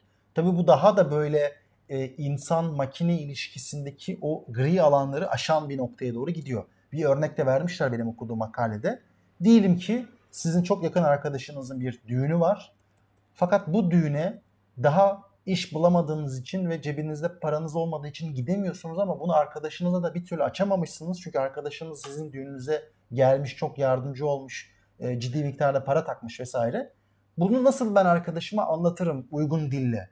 Böyle bir örnek vermişler. Bu Evet. arada bu yani İngilizce ama o kadar Türkiye konteksine uygundu ki helal olsun yani adamlar bayağı evrensel bir konu bulmuşlar dedim. Düğüne gitmemek. Bu Gidememek. Benim, benim çok Ve başına gelen bir şey. hissettiğim I really felt that yani. Aynen yani bu arada hani gerçekten ekonominin temeli hediye gift ilişkisi. Evet. Bununla ilgili e, çok Ma- Malinowski onun yazdığı tarihteki hı. antropologlardan biri zaten bunun üzerine yazıyor. Kula Ring diye. Bunu da böyle e, parantez arasında vermiş olayım. Merak edenler bakabilir. Şimdi bu aslında e, Google'ın yeni geliştirdiği bir şey. Ve aslında AI AI'ın nerelere gideceğini de bize gösteriyor. Yani ileride hayatımızın her noktasına entegre olabilecek bir AI. Şimdi biz ne dedik? İşte sanatçılar, e, haberciler. Çünkü Google Genesis Hı hı. isimli haber yazabilen, habere manşetler bulabilen bir AI üzerinde de çalışıyor şu an. Onunla duyurusunu yapmış geçenlerde. Duygusal kararlar kararlarımızda var. E zaten bir şeyler arıyoruz orada var. E, bir şeyler üretiyorsun orada da var. Biz hani bazı videoları yapan AI'lar var. Ya o anlamda çok hayatımızın her noktasına doğru giden bir AI ile karşı karşıyayız. Benim kafamda iki soru var. Bir, bu AI rekabetinden kimler kazançlı çıkacak? Hı hı. Yani ekonomik olarak bunun öncüleri kim olacak? Burada aslan payını kim alacak? İki, devletler bu e, rekabetin içerisine ne zaman ve nasıl Evet. girecekler? Ben aslında birazcık işe siyaset bilimci, uluslararası ilişkilerci kafasından bakıyorum ve Hı hı. aklıma takılanlar bunlar oluyor. Şu Bu- anda kimler önde? Google önde. Google önde. OpenAI önde. OpenAI, First OpenAI'da zaten hani Microsoft'la birlikte çalışıyorlar. Bing e, ile çalışıyorlar bir yandan da. Evet. E, ama bir yandan da Meta'nın belki ileride Tesla'nın e, bu tip işlere girmesini beklemek de bence şey değil, sürpriz olmaz yani. Tabii ki. Te- zaten hani arabaların çok böyle elektrifiye olması aynı zamanda çok dijitalleşmesiyle beraber geliyor. Ee, Internet of Things diye bir kavram var. Kullandığımız bütün malzemelerin, Hı evin, buzdolabının, zaten te- cep telefonumuz öyle ama arabamız hepsinin birbirine bağlandığı belki bir bulut sistemi üzerine, belki bir ortak ağ üzerine yani şey hayal değil artık. Eve doğru gelirken arkadaşlar Ya TOG da kendini bu hikayeyle pazarlamıştı ev, mesela. ev, ev aletlerine kadar erişebilen bir Hı hı. sistem olarak tasarladım. Yani işte çamaşır makinenizin sallıyorum programını ayarlayabiliyorsunuz arabanızdan. Hani bu derece birbirine bağlı sistemler. Otururken ışığı Tabii derecesini bu ayarlıyorsunuz falan. entegrasyon direkt AI ile ilişkili olmak Değil. zorunda da Aynen. değil. Tabii başka bir şey. AI burada e, bu reinforcement learning yani kendi kendine öğrenebilen ve bunu bir iğmeli bir şekilde öğrenip bize e, elindeki data setten istediğimiz çıktıları üretebilen bir yapıya dönüşmesi e, zaten hem sanatsal hem de içerik anlamında büyük bir e, yani ilham yarattı. Diyelim. E, bu, e, burada ülkeler dedin. Ben hakikaten merak ediyorum yani bunun ülkeler bazında Yani nasıl. Çin güçlü bir giriş yaptı mesela. Ee, tıpkı 5G'de olduğu gibi AI konusunda da Çin çok fazla yatırım yapıyor buna. Arge konusunda belki Amerika'ya kıyasla daha fazla yatırım yapıyor.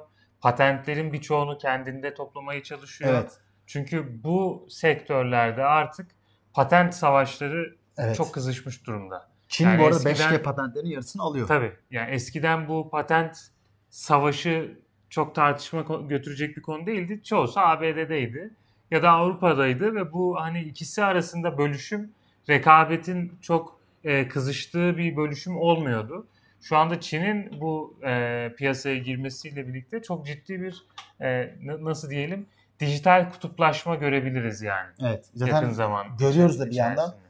yani aslında Avrupa ülkelerinin Huawei'yi dışarı çıkarmak istemesi, işte TikTok'u yasaklaması, e bir yandan zaten Çin'deki o firewall, ona o firewall deniyor. Twitter'ın, Facebook'un, Instagram'ın, Google'ın engellenmiş olması bir anlamda dijital bir sınırları olan dünyaya doğru gittiğimizin de göstergesi. Diyelim. AI, AI bu son şey AI yani benim gerçekten çok önemsediğim ve üzerine konuşmak istediğim mesele e, gelişmeler oldukça e, konuşalım istiyorum AI Tabii. meselesini. Yani çünkü Biz ara ara aslında birkaç temel ajandamız var diyelim. Ajanda deyince böyle bir şey gibi oluyor ama yani benim hakikaten de dünyada merak ettiğim konuların içerisinde bir teknoloji, iki iklim dönüşümü evet eee, çok ilgimi çekiyor. Çünkü bunlar Türkiye'nin hem doğrudan etkilendiği, bir yandan riskleriyle Türkiye'yi etkileyen, evet bir yandan da Türkiye için fırsat kapıları olan iki alan. Eee bir siyaset bilimci olarak da yani bunu da söyleyeyim bence teknolojiyi takip etmemek diye bir şey olmaz abi. Evet. Yani AI'yi takip etmemek gerçekten büyük bir ahmaklık olur. Bunu kendi adımda söyleyeyim. Yani bu 1900'lerin başında otomobili takip etmemek gibi bir şey. Yani siyaset bilimi okuyan arkadaşlar abi ne yapalım, ne üzerine çalışalım falan diyorlarsa bir çalışma alanı ol, olarak olmasa bile ilgi alanı olarak e, yapay zeka ve teknolojik gelişmeleri yakından takip etmesi gerekiyor sosyal bilimcilerin. Evet. Abi biz mühendis miyiz, biz nerd müyüz, biz sosyal adamlarız demenin e, aptallık olabileceği bir senaryo çünkü bu artık. Kesinlikle. Dünyayı dönüştüren hikayeler buradan çıkıyorsa her sosyal bilimci bu alanı yakından takip etmek zorunda çünkü. Evet. Diyelim artık Trump'a e, gelelim. Trump'a gelelim ve GOP debate'e gelelim. Evet şimdi e, zaten siz de takip etmişsinizdir. Var mı makşat görüntüsü bizde Umut? Biz konuşurken sen onu bulup şey e, yapabilir Makşat misin? görüntüsü yani biliyorsunuz. Oo gerçekten 110 liralık bir bağış aldık. E, canlı yayın tepkisi sırf bu tepkiyi almak Bu için. tepki. Hani e, gerçekten e, çok teşekkür ederiz Nilüfer Hanım. E, Nilüfer Hanım. Artık yani telaffuzum bozuldu. Öyle Evet. Evet, yani arkadaşlar yolluyorsanız biraz daha mütevazı bir şeyler de olsa yollayın. Yaşar'ın artikülasyonu bozulmasın diye. Aynen. Ee, Nilüfer Hanım'a çok teşekkür ediyorum bu desteğiniz için. Ee, sağ olun, var olun. Bizi takip eden herkese teşekkür ediyorum. 143 kişiyiz. Biri şey yazmış. Ee, bu adamları izleyenler de umut var ülke için estağfurullah ama e, dünyanın gelişmelerini anlamaya çalışıyoruz. Kendi gündemimize sıkışmadan. Trump Şimdi zaten yine bunu 2-3 hafta önce konuşmuştuk. Trump'ın davası geliyor, gelecek, geldi gibi. En son artık onun makşatı. Makşat da şu işte e, dosyanız işlendiğinde sizin bir suçlu fotoğrafınız çekiliyor ya bir sanık fotoğrafınız o. Evet. Ama bunlar normalde biraz Trump'ı itibarsızlaştırmak için yapılıyordu. Yani Trump'ın siyasi kariyerini bitirmek için. Ama Tabii, Trump, hatta o fotoğraf sızdırıldı yani. ama Trump ne yaptı? Twitter'a 3 senedir ara vermişti. Elon Musk onu döndürmüş olmasına rağmen ama 2 sene sonra yani 3 sene ara vermişti ama hani bir sene de şeydi yani orada bir matematik hatası yok merak etmeyin. İlk tweet'i bu makşata atmak oldu. Atmak oldu ki bence çok Tabii. başarılı bir hamle. Güçlü bir giriş. Aynen hani siz beni itibarsızlaştıramazsınız. Alın ben kendim bu fotoğrafı atıyorum. Yani o benim için madalyadır diye e, özetlemiş olabiliriz. Yavuz, Yavuz Selim'e de Çok teşekkür, ediyoruz. Ee, patron çıl etem delirdi vallahi yazıyor. Patron acaba belki Trump'a yazdı bilmiyorum. Ee, yani Trump'ın bu anlamda bence hala en güçlü demok şey, cumhuriyetçi aday olduğunu söyleyebiliriz. Tabii yani burada kitlesiyle hala çok doğrudan e, aracısız iletişim kurabilen birinden bahsedebiliyoruz. Ve başkasına ihtiyaç duymayacak kadar güçlü bir e, iletişim becerisi var Trump'ın. Ama GOP debate'de Trump yok, yoktu. Kimler vardı? İşte en güçlü GOP debate'deki isim e, Ron DeSantis'ti. DeSantis Ee, evet. Vivek vardı. Vivek aslında Trump'a desteğiyle bilinen e, bu yönüyle de ne diyelim Trump'ın vekili olarak oraya gitmiş Aynen. bir. Oo bir 110 lira daha geldi. Bugün her, çevirdi her bu. seferinde yapacaksın değil mi bunu? Ama yapmam Bunu bir lazım. meme çevirelim. Yani birisi bunun gifini yapsın. Yani Ee, 110 bir lira- Discord'da şey olsun. Ee, Her böyle şey olunca ne oldu? Vahit şey paramız çıktı mı? Ee, akşam yemeğimiz. artık karnımız doyar. belki. Karnımız doyar. Ama bilmiyorum. Bu arada şunu söyleyelim. Bu canlı yayınlar hakikaten e, kanal için şöyle bir kıymeti var bizim adımıza. E, yaptığımız ekipman masrafını 4 videoda çıkarttık canlı yayın için. Evet. Yani kablo almıştık vesaire. Bir de Bilal Bey sağ olsun. atemini resmimiz de geldi bu arada. Umut Heh, gerçekten bugün güzel. çok iyi çalışıyor. E, ama artık birazcık da ötesi yani reji de sıkı çalışıyor vesaire. E, belki iş daha da keyifli bir yere gidebilir. Evet profesyonelleşebilir. diyelim konuya dönelim. Evet, bu- Şimdi GOP Debate'de Vivek ve diğerleri Evet. aslında e, şey olmuş oldu. Çatışmış oldu diyelim. Çünkü Vivek orada Trump'ı temsil ediyordu ve Trump'ın temsilcisinin bile olduğu bir yerde e, bütün hikayenin Trump üzerine dönmesi kaçınılmazdı. Çünkü gerçekten de cumhuriyetçiler için Hı hı. hala en güçlü aday Tabii. Trump. Evet. DeSantis bu arada debate öncesi favori gösteriliyordu. Evet. Ee, bu debate sistemi de anlatmak lazım. Ne işe yarıyor bu debate'ler? Neye göre e, etki ediyor adayların belirlenme sürecini diyelim. 161 kişiyiz bu arada Vahit. Güzel. Ee, geçen hafta 170'i bulmuştuk. Bu hafta da inşallah üstüne çıkarız diyelim. Evet. Bu debate'lerde şu oluyor. Sen zaten e, yakından takip ettiğin için bilirsin. İnsanlar debate öncesinde belki bazı adayları gözlerini kestirmiş durumdalar. Yani şu adam genç birazcık e, parlamaya başladı. Sempati duyuyorum dediğin isimler çıkıyorlar debate'de. Özellikle Cumhuriyetçi seçmen için ama daha genelde de Amerika'nın nasıl yönetileceğine dair belli başlı sorulara kendi cevaplarını veriyorlar. Evet. Şimdi bir bu cevapların kendi içinde tutarlı olması bekleniyor. Peki bu İki- niye önemli? E, Çünkü hiçbir partinin genel başkanı yok. Evet. Onlar seçile seçile son aday kalacaklar. Yani Demokrat Parti'nin bir başkanı yok. Hı hı. Cumhuriyetçi Parti'nin de yok. Bu debate'lerde iyi performans sergileyin ki eyaletlerde iyi performans sergileyin. Eyaletlerde iyi performans sergilerseniz son aday olarak kalın. Tabii. Çünkü zaten orada bir ön seçim mekanizması var. Ee, Türkiye'den fark ettiğiniz gibi apayrı bir hikaye anlatıyoruz burada. Yani bir genel başkanı olsaydı mesela Cumhuriyetçi Parti'nin Evet. belki o genel başkan kendini aday olarak dayatırdı. Ne diyorsun Yaşar? Hikaye Evet. şu yüzden. Amerika'nın demokrasi olması budur Evet. abi bu arada. Hani Yani tartışmaya çıkan insanlar bir kendi fikirlerini tutarlı bir şekilde anlatmalılar. İki kendi seçmenlerinin hoşuna gidecek şeyler söylemek zorundalar ve burada e, samimi olduklarını da gösterebilmeleri gerekiyor.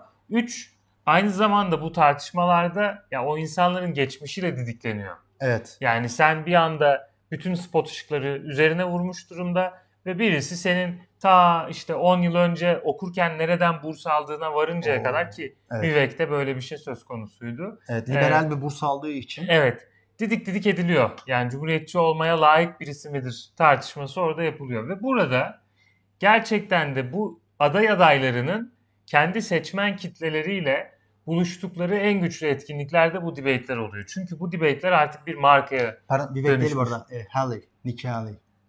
Vivek için de benzer bir şey söz konusu olması lazım. Onu, onu bilmiyorum Emin da, değilim hani, ama. E, Nikki Haley'in kariyeri Hı hı. bayağı şey oldu. Onun çünkü kariyerinde askeri e, ekipmanlar satan Rocket Marking. E, Evet. e, bu biliyorsunuz e, Lockheed Martin, Lockheed Martin e, F-16'ların falan yapımcısı Hı hı. Lockheed Martin. E, bu anlamda e, Yani silah Martin'in- sanayisinin e, Evet. beslemesi diye Nikki Haley'e bayağı bir yüklendiler. Evet, evet.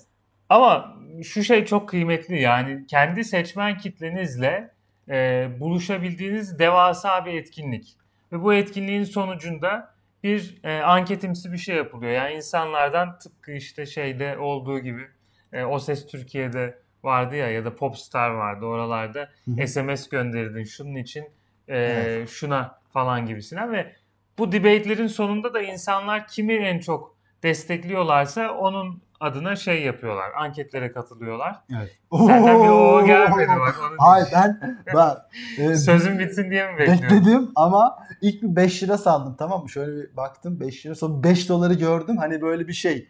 Vahit hani şey ne zaman yapsam diyorum 5 dolar. Hakan Bey çok teşekkür ederiz 5 dolar için. Yaşar'ın bu tepkisi benim hoşuma gitmeye başladı. Para verdikçe ben o çekiyorum. Şey olacak, e, buton gibi düşünün. Siz süper etiket ya da süper chatte bir şeyler yaptıkça Yaşar ooo yapacak. Aynen. ne diyorsun Yaşar? Sence GOP debate'i kim kazandı? Şimdi topluma da sormuşlar e, Evet. Top Debate'i kim kazandığını. %29 e, DeSantis çıkmış, %26 Vivek çıkmış. Ama bunu şöyle okumak lazım. Tam oraya gelecektim. Dediğim DeSantis çok daha yüksek. favoriydi.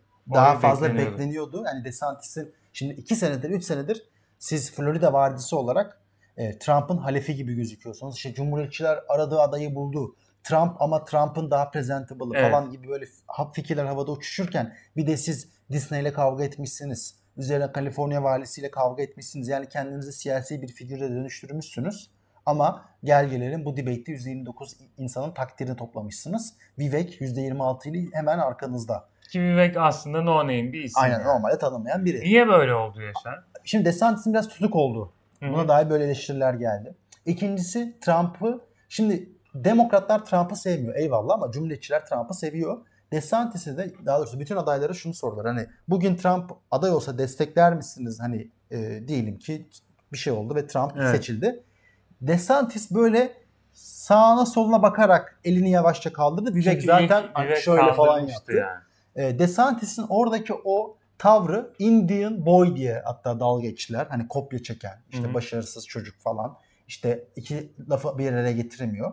Tutuk olması, biraz samimi olmaması, söylemlerinin net ve keskin olmaması, bir hikayesizliğinden dolayı insanlar samimiyetsizliğiyle de birleştirerek bayağı bir e, fır, Çünkü- fırçaladılar yani. Yani establishment'la yani oradaki müesses nizamla cumhuriyetçi seçmen arasında kalmış bir figür gibi gözüktü Evet. Ron DeSantis açıkçası orada. Yani bir yandan oy almasını istediği, destek almasını istediği bir cumhuriyetçi seçmen var ama bir yandan da seçimi kazanmak ve ülkeyi yönetebilmeyi gerçekten düşünen birisi Ron DeSantis. O yüzden de e, demokratların seçmeninden de oy alabilmek istiyor. Evet. Çünkü Trump seçildiği zaman aslında popular vote'la seçilmemişti. Tabii. Yani Hillary Clinton Trump'tan daha yüksek oy almasına rağmen Trump şey e, Amerikan başkanı olmuştu. DeSantis burada herkesin oyunu alabilecek bir aday olmaya çalışıyordu ama herkesin oyunu almaya çalışırken bazen sahipsiz de kalabilirsin. Yine sahipsiz kalmadı. %29 fena bir şey değil. Burada Vivek'in bursu konusunda haklısın. Evet. Şimdi onu ben teyit ediyorum. Gerçekten de Soros Soros'tan Fellowship'ten e, başvurduğunu, o bursa Hı hı. e, bursa aldığına dair bir mention'ı ta 2000 çok da uzak değil 2020'de. Evet.